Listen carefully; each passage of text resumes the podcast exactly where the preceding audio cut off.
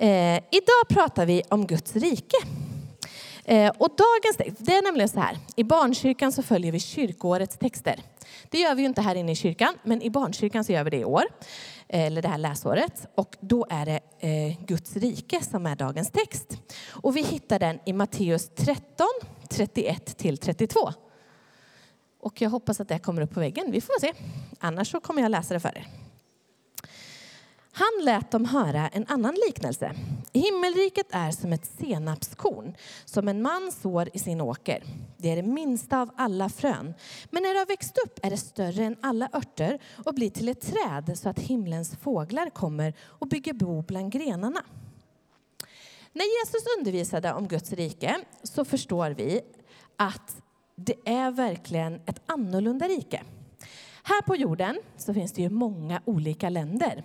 Och rike kan man säga betyder land ungefär. Man använder ju inte riktigt ordet rike idag, utan vi brukar prata om länder. Och då kan man tänka så här, ha Guds rike, vart ligger det någonstans? Och så tittar man på kartan så här, jag skulle vilja åka till Guds rike. Mm, då kommer man inte hitta det här. För Guds rike, det är inte ett sånt där rike som har liksom landsgränser och är begränsat på det sättet. Utan Guds rike, det liksom finns inom oss här på jorden. Men inte nog med det. Vi kan också förstå att eh, i Guds rike, det är liksom som ett lite så här upp och nervänt rike kan man säga. Där det verkar som att lite andra regler gäller. Liksom.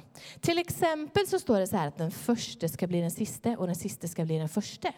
Så det har lite andra principer som gäller i Guds rike. Och i den här texten som vi läste precis nu så beskriver Jesus Guds rike som ett senapskorn. Någonting som verkar väldigt, väldigt litet men som har otrolig växtkraft. Det är liksom ett av de minsta kornen, ett av de minsta fröna som ändå kan växa och bli till ett helt stort träd där till och med någon kan ha sitt hem. Och den här principen skulle jag vilja att vi funderar lite mer på idag. Just det där om hur någonting som är väldigt litet kan växa och bli till någonting stort.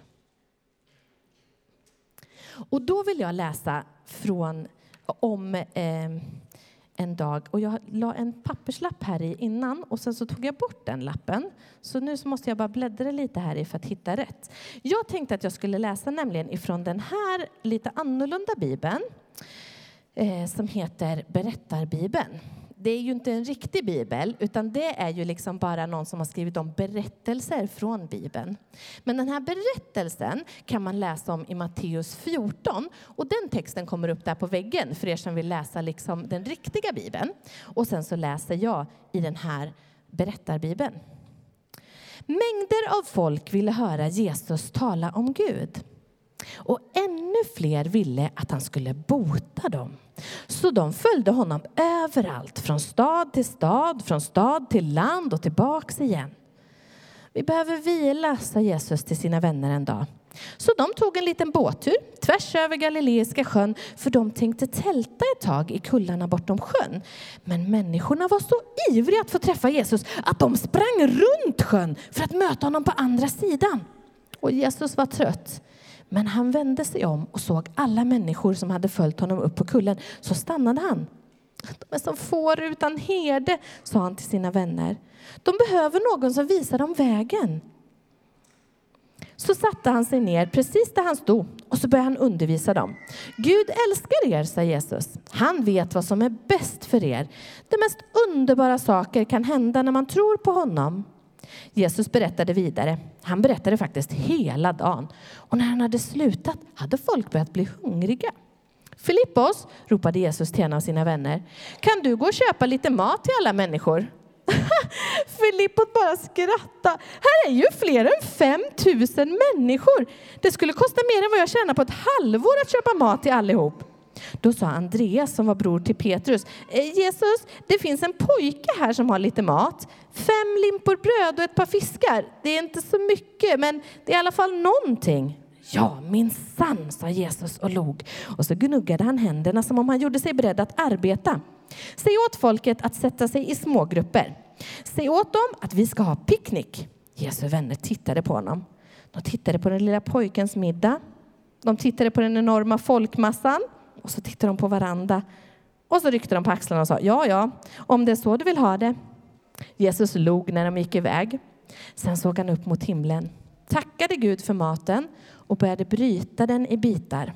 Vännerna kom tillbaka och började dela ut bitarna och de blev väldigt förvånade. För det räckte faktiskt till den första gruppen människor och till den andra gruppen och den tredje och sen till alla grupperna. Det fanns gott om mat till alla, mer än vad som gick åt. Det fanns faktiskt så mycket att det blev tolv korgar över. Människorna klappade sig på magen. De fick kämpa för att orka ställa sig upp. De torkade smulorna från mungiporna och några rapade till och med. Men Jesu vänner stod bara och stirrade. Precis som jag sa, sa Jesus, Gud kan låta de mest underbara saker hända. Det enda vi behöver göra är att tro på honom. Sen log han mot sina medhjälpare, stoppade en bit bröd i munnen och började gå hemåt. Lärjungarna var bekymrade. Vad skulle de göra med alla hungriga människor? Den maten som de hade räckte inte till. Har vi varit med om denna gång? Att vi har varit bekymrade över hur någonting ska räcka till. Det kanske inte är mat, men ibland kanske det är energi eller hur man ska klara av någonting, till exempel i skolan. Hur man kanske ska klara av att vara en, en schysst kompis. Orkar liksom inte mer. Men Jesus han tog det lilla som lärjungarna hade. Ja, egentligen var det ju faktiskt inte ens lärjungarna utan det var ju ett litet barn som hade med sig fem bröd och två fiskar. Som Jesus tog och så välsignade han och så delade han ut och det räckte och blev över. Vi tycker kanske att det vi har att ge eller att göra, det är något lite oansenligt. Kanske inte värt så mycket. Är det någon idé att jag ens liksom gör den här grejen? Men så är det inte i Guds rike, för i Guds hand kan du Gud välsigna det. Precis som det som började som en ganska liten schysst grej som den första i dramat gjorde men som liksom växte och blev till någonting större tills det faktiskt gjorde ganska stor skillnad i den där trötta, stressade och slitna läraren på slutet som kände sig alldeles varm i hjärtat. För när Jesus går med och hjälper oss då kan det hända någonting större än det vi har tänkt. En hundralapp, ett leende, ett vänligt ord eller en timme av din tid. Oavsett vad det är du har att lägga fram inför Gud så kan han välsigna det och låta det växa till något större.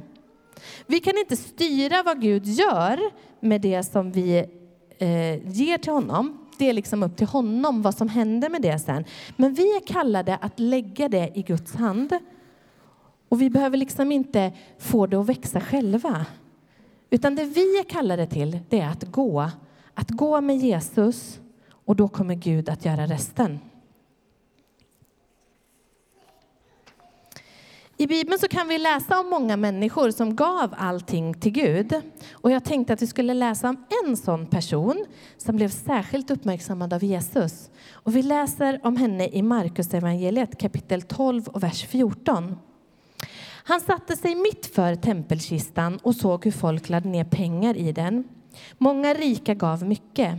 Så kom där en fattig änka och lade ner två kopparslantar, alltså några ören. Då kallade han till sig sina lärjungar och sa sannerligen, den där fattiga änkan har lagt mer i tempelkistan än alla de andra. De gav alla av sitt överflöd, men hon gav i sin fattigdom allt hon ägde, allt hon hade att leva på. Gud han har inte kallat oss till att ge mer än vad vi har, men han vill att vi ska ge honom allt. Han vill inte att vi ska bränna ut oss genom att ta på oss för mycket så att vi blir alldeles slitna och går in i väggen. Han vill att vi lägger våra liv i hans hand. Och då kommer han att välsigna det. Och jag vet att det är svårt, för vi vill gärna ha kontroll över våra liv och vi vill veta liksom vad Gud ska göra. Men han kallar oss till att lita på honom så att hans rike kan få växa på jorden och så att vi kan bli välsignade för att välsigna andra. Amen. Tack Gud för att du har gett oss allt. Tack för att allt vi har, har du gett oss. Tack för livet, tack för familj och vänner och tack för den här jorden som vi får leva på. Hjälp oss att ge tillbaka det som du har gett till oss till dig och lägga det i din hand så att det kan få bli till välsignelse för andra. Hjälp oss att inte ringakta det lilla vi har utan verkligen frimodigt lägga fram det inför dig oavsett om det är pyttelitet eller om det är stort. Att vi ska lägga allt i din hand. Hjälp särskilt oss som har mycket och som därför har svårt för att ge bort det för vi kanske känner att vi förtjänar det. Hjälp oss särskilt att kunna ge även det till dig så att du får vara Herre över allt i våra liv. Amen.